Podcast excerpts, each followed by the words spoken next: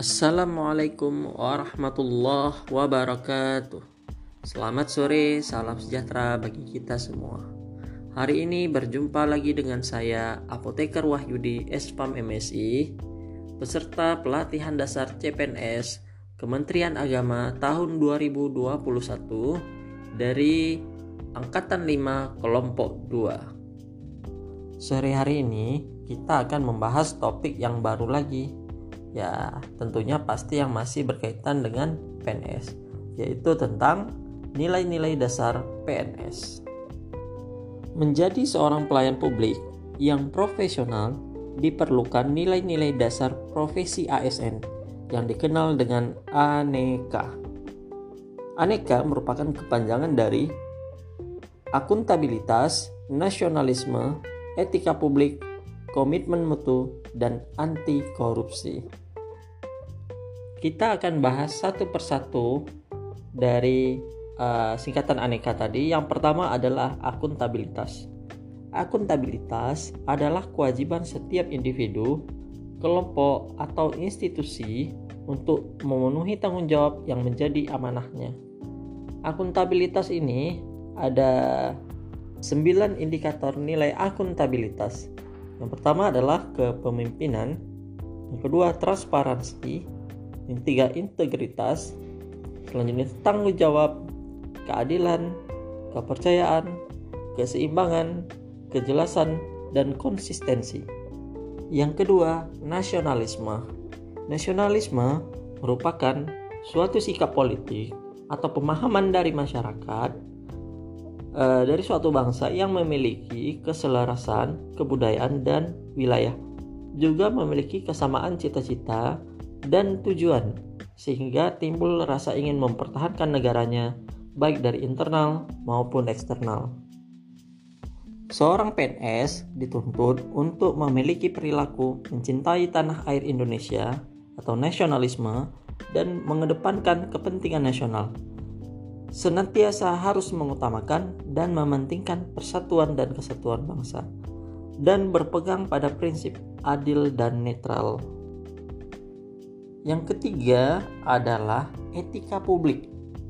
Etika publik adalah refleksi tentang standar atau norma yang menentukan baik atau buruk, benar atau salah perilaku, tindakan, dan keputusan untuk mengarahkan kebijakan publik dalam rangka menjalankan tanggung jawab pelayanan publik.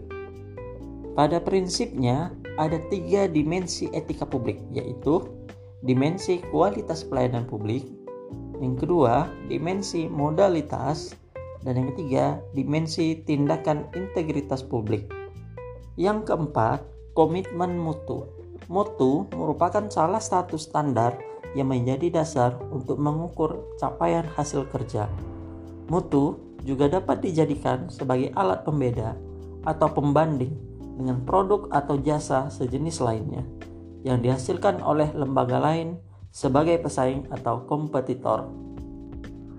Proses implementasi manajemen mutu diawali dengan menganalisis masalah yang telah diidentifikasi, kemudian menyusun rencana mutu, melaksanakan pekerjaan berbasis rencana mutu, mengawal pelaksanaan, mengawasi ketercapaiannya, dan merancang upaya peningkatannya agar dapat membangun kredibilitas lembaga pemerintah. Dan yang terakhir dari aneka adalah anti korupsi.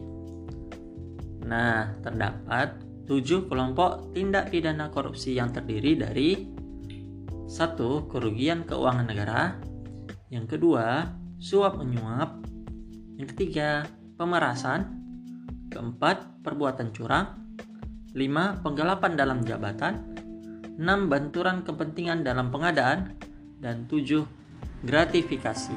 Nah, jadi korupsi itu bukan melulu tentang suap menyuap di antar di antara para pejabat negara. Nah, bisa jadi uh, tanpa kalian sadari, kalian telah melakukan salah satu dari tujuh kelompok tindak pidana korupsi. Yang paling sering dilakukan tanpa disadari itu adalah gratifikasi.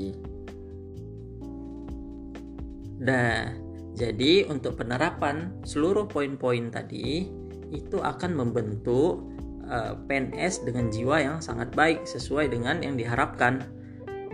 Uh, jangan sampai seorang ASN itu melakukan tindakan-tindakan yang uh, melanggar peraturan atau menunjukkan hal-hal yang tidak baik.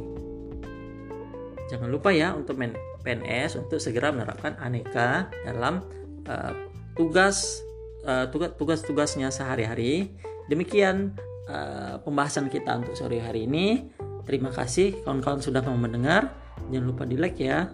Assalamualaikum warahmatullahi wabarakatuh.